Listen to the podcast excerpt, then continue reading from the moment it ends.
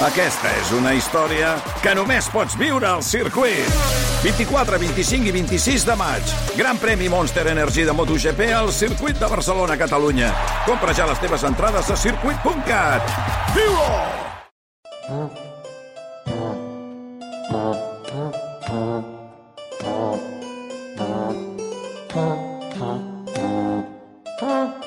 Albert Pla, bon dia. Bon dia, com estàs? A punt d'arrencar... Eh, El... M'hi he adelantat avui, eh? Sempre preguntes tu com estàs. Sí, no estic acostumat a respondre aquesta pregunta. Mira, per exemple, hi ha el Genís Roca, que ell té una, que té una frase sempre, perquè jo sempre faig la mateixa pregunta, que és com estàs? I ell sempre respon feliç. Llavors, si li repreguntes per què estàs feliç i tal... Bueno, no, estic feliç, ja està, perquè tu em preguntes com estic feliç. Ja està. Ja està. No és una mala manera d'entrar a la vida, eh? Que et diguin com estàs no. feliç. Perquè estem acostumats, segurament, a aquella frase de com estàs. Bueno, anem tirant, si no entrem en detalls, aquella, aquelles... Anar fent. Anar fent... Després hi ha el, el Salvador Sunyer, el coneixes tu, Sí, de temporada alta, sí. director, que sempre que li preguntes com estàs, diu, malament. I espera rèplica o ja no... Ja està, ningú gosa dir, uh, repreguntar. Sí, sí. Però no has fet mala estratègia eh, de preguntar-m'ho a mi perquè m'has deixat fotut, però bueno. I tu estàs bé? Jo tinc fe, Xavi, Val, tinc fe. tens fe. Avui vols parlar de fe? No, bueno, de fe no, però de fet, l'altre dia a la secció que vam dedicar a la fe vam parlar de les relíquies. Sí, senyor, sí, senyor. Jo anava a comprar Exacte. relíquies per la catedral de Sabadell, sí, sí. Exactament, però reconeix que va haver-hi una relíquia que et va fer especial gràcia. Així que avui, com et vaig prometre, parlarem del sant prepuci Però- de Jesús. Necesitamos fe Oh, sí. para que lo que parezca imposible pueda. Aquesta era la cançó que vas punxar l'altre dia? La tuba aquesta no la recordava, que fos tan intensa. Mira, mira, mira. Hace Que aquesta música s'ha d'escoltar moltes vegades. Té molts matisos. trobar. Té molts. Cada cop que escoltes descobreixes una cosa nova, com la bona Clar, música. Sí. clar. Mira, mira, mira. Ta, ta. Una vegada vaig agafar una tuba d'aquestes i pesen un... una barbaritat, Hòstia, eh? Sí, sí, per fer un passacalles és un mal instrument. Bé, va, anem amb les relíquies. Va, bueno, vam dir que teníem diversos tipus de relíquia. Sí. Tenim les relíquies de primera classe, Mm -hmm. Primera divisió. que és el tros d'un sant. vale? Això és primera divisió, ok. Tenim de segona categoria, que és alguna cosa del sant. Però alguna cosa vols dir un objecte que ja no és pròpiament part del seu cos. O què? Exactament. Mm, algo. una, una túnica. Un tros de roba, val. sandàlies. Bé, bé, bé, bé. Eh? I de tercera, alguna cosa tocada pel sant. Aquesta seria la tercera divisió, que continua Aquesta sent... seria la tercera. Continua sent relíquia, però, home, ja no és el mateix Però que... No? hi han categories, o sigui, de relíquies de sant, diguem-ne, en tenim moltes, de primera categoria, de segona i de tercera categoria. Però del jefe, o sigui, de Jesús, o sigui, sèrie Gold, Premium, Platinum Sèrie VIP, Gold? diguem, en tenim només de Jesús, però òbviament de segona i de tercera categoria. Ah, de primera no ca- clar. clar. Tenim el càlis, la corona d'espines, la creu, Sí. eh, els claus de la creu, bla, bla. Però de primera categoria, diguem-ne, davant del no cos de Jesús, només tenim el sant prepuci. Que vaya mi vengan a ver, a ver al niño hacer cosir al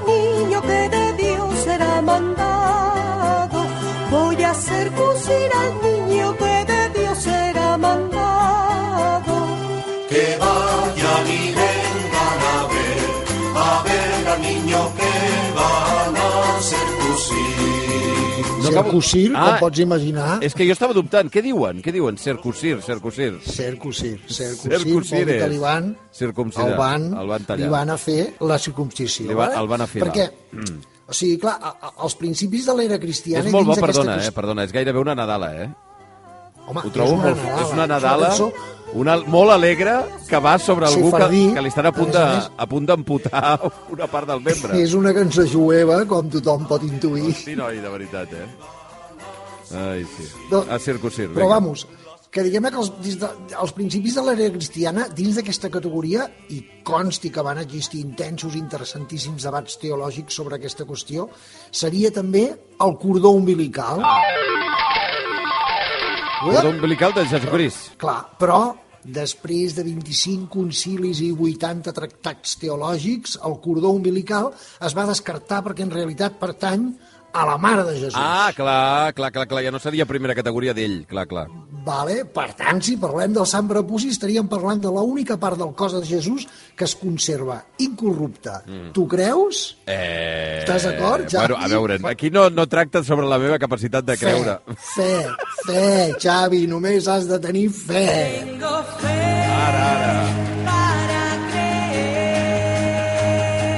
Ara sí que entenc. Vale, perquè, o sigui, el, el prepuci de Jesús, anem per parts, aquesta relíquia s'anomenava la carne vera sacra, autèntica carn sagrada. Mhm. eh? Perquè durant molt temps, clar, estava prohibit dir-li el prepuci, quedava lleig. Clar, eh? clar, clar, clar. Però anem al minut zero, anem al minut zero. Neix Jesucrist, família de jueus. El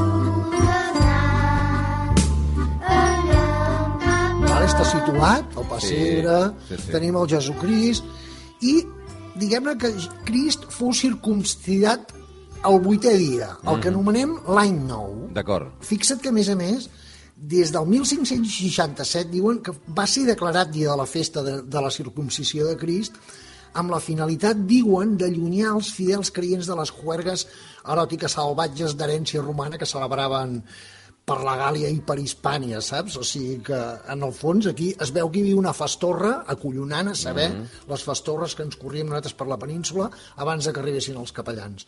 Els capellans van arribar i dir, no, mira, això li direm ara millor festa de la circumcisió. S'ha acabat la festa, vale?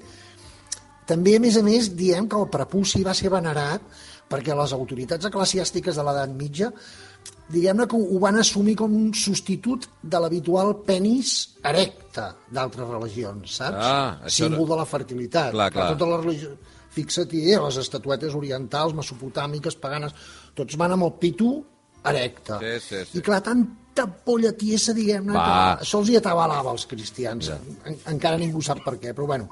Però atenció al vuitè dia de l'existència de Jesús. Com mana la tradició jueva, Jesús és circumcidat. Ahir, per favor. Bueno, tranquil, No va tan, va jo passar, crec que no va tan ràpid, eh, com això. A veure com ho has fet, això. Hosti. Com... Ja està. Ja està? A veure, baixa la bragueta, Xavi. No, Treu el pitu. no. Ah! Prou, Ja està. prou. A Jesús el circuncida una iaia adorable. Es veu una iaiona d'aquestes. I la iaia fa... Vas. Xac. I guarda el prepuci perquè alguna cosa li diu que aquell nen seria especial. La iaia guarda el prepuci a un potet d'alabastre. L'alabastre és com un guix i una pedra calissa, així, ple d'oli de nard. Eh, de nard, unes flors, és un perfum, eh? Sí. El nard és una flor molt, molt aromàtica, eh? Que es fa tot això. I aquesta iaia guarda el, el, el prepuci dintre aquest potet ple d'oli de nard i li dona aquest potet ple d'oli amb el prepuci de Jesús al seu fill. I li diu... Sobretot guarda't de no vendre mai aquest potet d'oli de nard, ni que et donin 300 dinarets, eh? Entesos? Entesos, mama, entesos, mama. Sí, però clar, vet d'aquí que aquest bailet celebrat li acaba venint el potet amb el prepuci de Jesús a una tal Maria Magdalena. Oh, ja hi som. Et sona? Home, O sigui, tu diràs que és una casualitat, a veure, tampoc és que hi haguessin milions de jueus a Judea, però, hòstia, uns mil sí que hi havia. Clar, però clar. la divina providència una vegada més guanya la lògica i, per tant, fa que aquest potet acabi en mans de la Maria Magdalena. Val? Després, quan Jesús és crucificat, la Maria Magdalena li renta els peus a Jesús amb aquest mateix oli.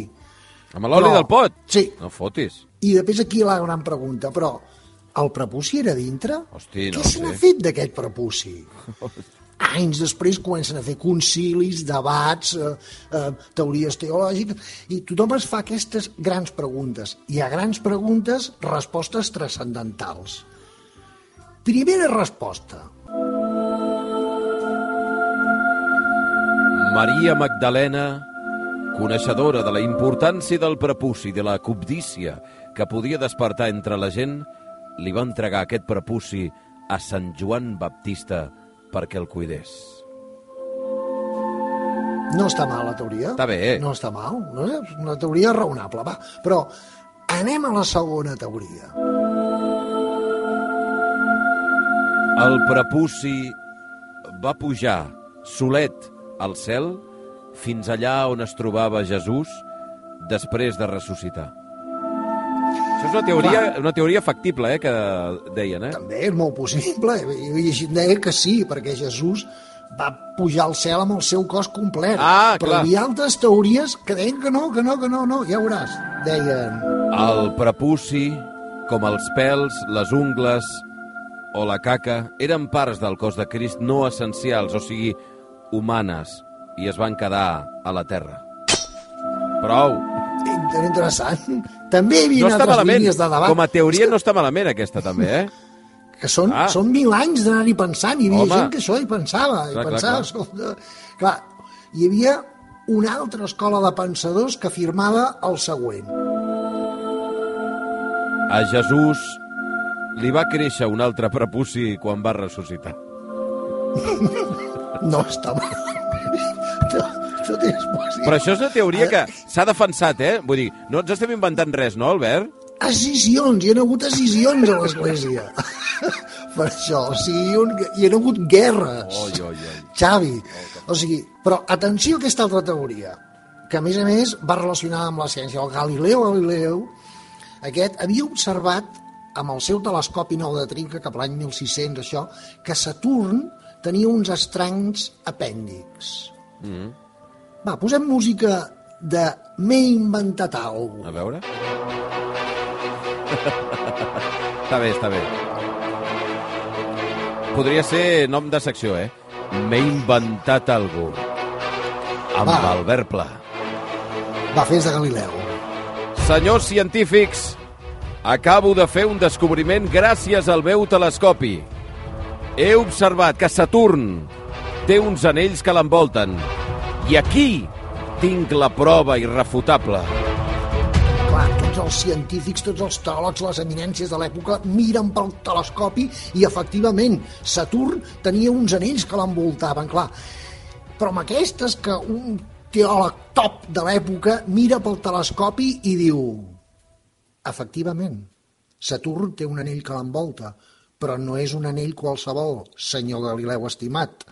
Vostè acaba de trobar el prepuci de Déu. O sigui, va tenir, va tenir els nassos de dir que allò que donava voltes o que estava al voltant d'un planeta era un tros de prepuci, no? Era el prepuci de Déu. brutal, eh? No els nassos. Hi ha unes escoles teològiques. Oi, oi, oi, oi. Monestirs sencers dedicats a la investigació d'aquest tema. oi, oi, oi. Tu riuràs, però s'escrivien un munt de llibres. Imagina't tots els monestirs europeus estudiant, debatint, amb totes les seves túniques, les seves caputxes, benedictins, franciscans, jesuïtes, escrivans de lletra preciosa, escrivint el sol de sol a sol, allò, papirus, discussiones sobre el prepucio de nuestro Señor ai, ai. Jesucristo. Ai, ai. I així, o sigui, Ai, ai, ai. però diguem-ne que així, una vegada més, el pensament teològic es barreja amb el pensament científic i es proposa una quarta via en la que... El prepuci de Jesús ha pujat al cel pel seu compte, però no ha anat al cos de Jesús, sinó que s'ha acoplat com un dels anells de Saturn. Està clar que aquesta... Però, perdona, no aquesta teoria també és certa, eh? O sigui, també es va defensar, eh? Home, sí, És es va fortíssim, defensar. A és més, a, més, fortíssim. a, més, a més, a mi aquesta és potser la que m'agrada més perquè té una base científica. Però és molt bueno. gros, eh? Perquè realment és... Eh, L'objectiu de que pugi el prepuci, teòricament, hauria de ser que estigués amb, amb Déu, d'alguna manera. No que s'anés a un planeta random eh, qualsevol allà, a, una galàxia qualsevol, observable, curiosament, des de la Terra, no? Qui diu que Saturn no és el colló de Jesús? Apa, va, home, va, Però, va, bueno, va. Bueno, en fi, però la teoria més estesa de totes, malgrat tot, és que el prepuci es va quedar a la Terra. Val. Primera, perquè per aguantar la teoria de que el prepuci del Jesús envolta Saturn, bueno, s'ha de tenir molta fe i molts coneixements, com tu dius. Ai, ai, ai. I la segona raó és que si el prepuci és a la Terra, Clar. es converteix en una relíquia. Ara, ara. Amb tot el que això comporta, promoció, fama i diners per tots aquells que la posseixin. Ara, ara. Home, aquesta realment és la teoria que ens interessa, diguem-ne, no? O sigui... Ens interessa i li interessava a l'Església i li interessava a tothom. clar, o sigui, el Sant Prepuci era la gallina dels ous d'or i va començar a aparèixer per tota Europa. A França, a Chartres, Metz, a Charroux, a Conques, a Langres, a havia noms impronunciables, dos a Bern, a Alemanya, a Hildesheim, a Bèlgica, a Amberes, fins i tot diuen haver-la vista a Burgos. A Burgos, eh? I per descomptat, que tenien una a Roma també. Que no falti. Però la qüestió és que eren unes 80 en total. O sigui que hi han vora 80 prepucis repartits per... No? per aquests mons de déus. De fet, les relíquies que tenien més fama són les que va portar Carlemany de Terra Santa. Diguem-ne que si la relíquia l'havia portat Carlemany, Sí. era com un certificat oficial, Ah, saps? val. Ell va portar el Sant Prepuci, un tros de la creu, el cordó umbilical, pas del pessebre, espines de la corona, claus de la creu... A més a més, anys abans ja l'emperatriu Santa Helena aquesta havia portat la pedra que fos circumcidat al Crist i ganivets amb els que van fer l'operació. Oh, N'hi havia dos, oh. una a França i una altra a Holanda. Afilats, eh? Tots ells, eh? M'agrada molt que la pedra, tots, o la sigui- pedra, vull dir, la pedra és realment... Eh, vull dir, com, com es detecta?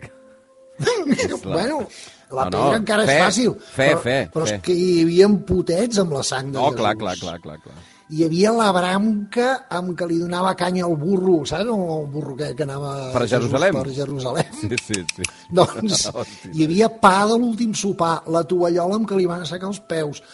Clar, definitivament algunes tenien que ser falses. Clar, clar, clar, clar. Però quina era la bona? Sí, o sí, sí. Quina... No, clar. És una I feinada, després es va això. implantar un test. Ah, un test. Es va fer un Genètic test. o què? Clar, bueno, un test per comprovar l'autenticitat dels prepucis. O sigui, hi havia capellans Sí. especialitzats en adivinar. O sigui, Quin tipus d'accions Els experts o sigui, eren tios molt cotitzats. És que tu t'ho prens en conya. Jo, però, no clar, em prenc o en sigui, conya, jo només em faig preguntes. o sigui, Vull dir, quin, quin el tipus que feien de... ells Quin tipus és, és, és molt fàcil. Com comprovar si un prepuci és autèntic o no.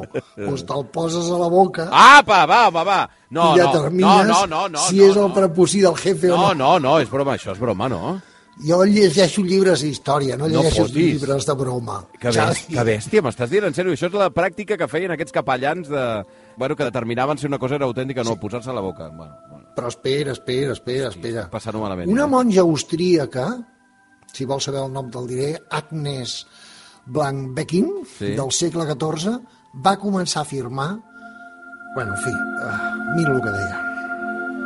Mentre resava, podia sentir el prepuci de Jesús a la meva boca.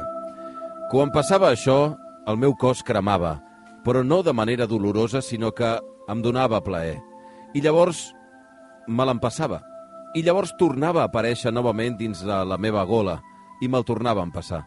Així fins a 100 vegades, de la boca a la gola i de la gola a la boca, fins que el meu cos s'il·luminava. Esclar.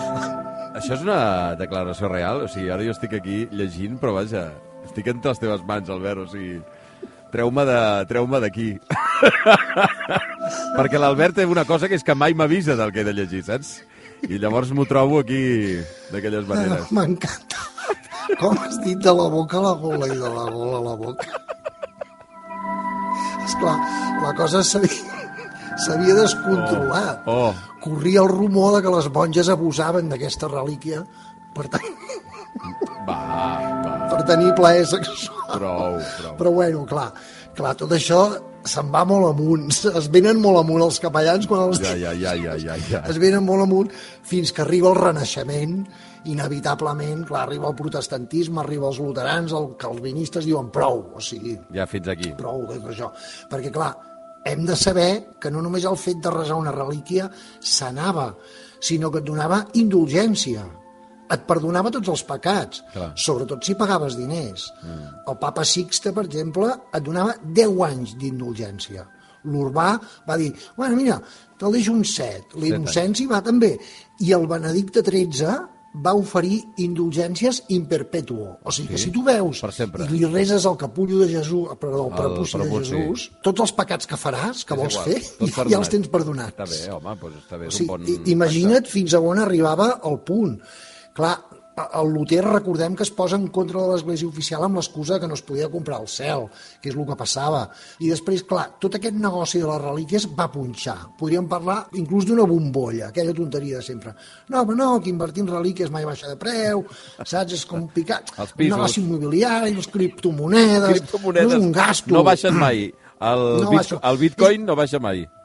No t'ho miris com un gasto, és una inversió, saps? És una inversió. Ara, ara. Ens ho agafem a conya, però a Espanya el rei Felip II en tenia 7.500 De relíquies? de relíquies i clar, diuen que moltes de les bancarrotes de l'imperi castellà era degut a això. Movia molta pasta, com el mercat de l'art, eren com les divises. A França, el Felip IV va comprar la corona d'espines portada pel Carlemany i va arruïnar tot el país, va Mare arruïnar meva. França. O sigui, Mare era com si agafessis tot el pressupost de cultura, el de, bueno, el de cultura i el de, i el de sanitat, tampoc compraries gaire cosa. Però si agafes tot el pressupost de tots els ministeris i en compra una corona d'espines. Mhm. O sigui que era una divisa molt important. Bueno, I de fet encara ara, quan es va cremar Notre Dame, Sí, a París. els capellans els importava un pito a l'església. Ells el que volien era salvar La relíquia. corona d'espines Ah, clar, clar, clar. clar. és el que realment té valor d'aquella catedral. O sigui que tenim varis prepucis, molts prepucis. Es funda la congregació del Santo Prepucio de Nuestro Adorado Jesús de la Iglesia de Nuestra Senyora de Amberes, però aquest prepuci desapareix. Tenim un altre a França, que li presten Enric V d'Anglaterra, perquè la seva dona era estèril, i llavors comencen a tenir fills, li funciona, Ah, i no vol com a mètode contra la francesos. infertilitat, no? Mm. Sí. I això provoca la Guerra dels 100 anys, per exemple, perquè Carai. te'n vagis fent una idea. Però bueno, el més famós de tots és un que està a Xagú.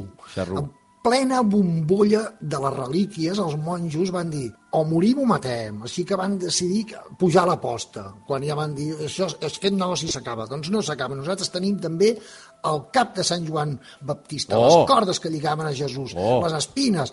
O sigui, després el mon- monestir es va cremar cap problema. Els monjos les van tornar a fer, les van trobar a tornar en una cova, van falsificar un llibre dient que Carlemany havia fundat el monestir no sé quants anys, màrqueting, sí? Van acabar muntant un autèntic com un prepuciolant, saps? A on? A Xarrú? A Xarrú. Bueno, de fet, Xarrú es diu així, que vol dir pell roja. Ah! Oh! Tu, o sí? Oh, no! Vale? Però bueno, després, el autèntic, autèntic, autèntic, autèntic, esclar, tan preposi suelto, diguem-ne, al segle XIII l'Innocenci va dir aquí n'hi ha d'haver-hi un i ha d'estar Roma. Així que, mitjançant Santa Brígida, Santa Brígida se li va aparèixer a la Verge Maria i li digué Quan el meu fill fou circumcidat, vaig guardar el prepuci amb gran honor i el vaig portar amb mi a tot arreu. Com podia perdre el que jo havia engendrat sense pecat? Però quan s'acostava l'hora de la meva mort, vaig confiar el Sant Prepuci a Sant Joan Evangelista, el meu protector. Ell el va amagar de la cobdícia de les persones.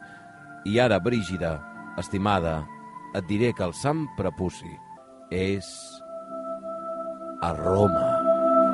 Roma. Gràcies a aquesta revelació, Santa Brígida fou canonitzada Ja. i el centralisme de Roma tornava a guanyar la partida. Clar, clar. Però bueno, per despedir-me, Xavi, que ja et veig que et vas remenant molt. No, tot no, no, i ara, i ara.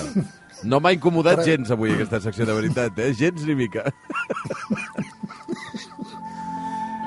T'interessava, no, el Sí, sí, Prepuci? no, molt, molt, és veritat, és veritat. Tu demana i jo No. faig la secció que tu em demanis, eh?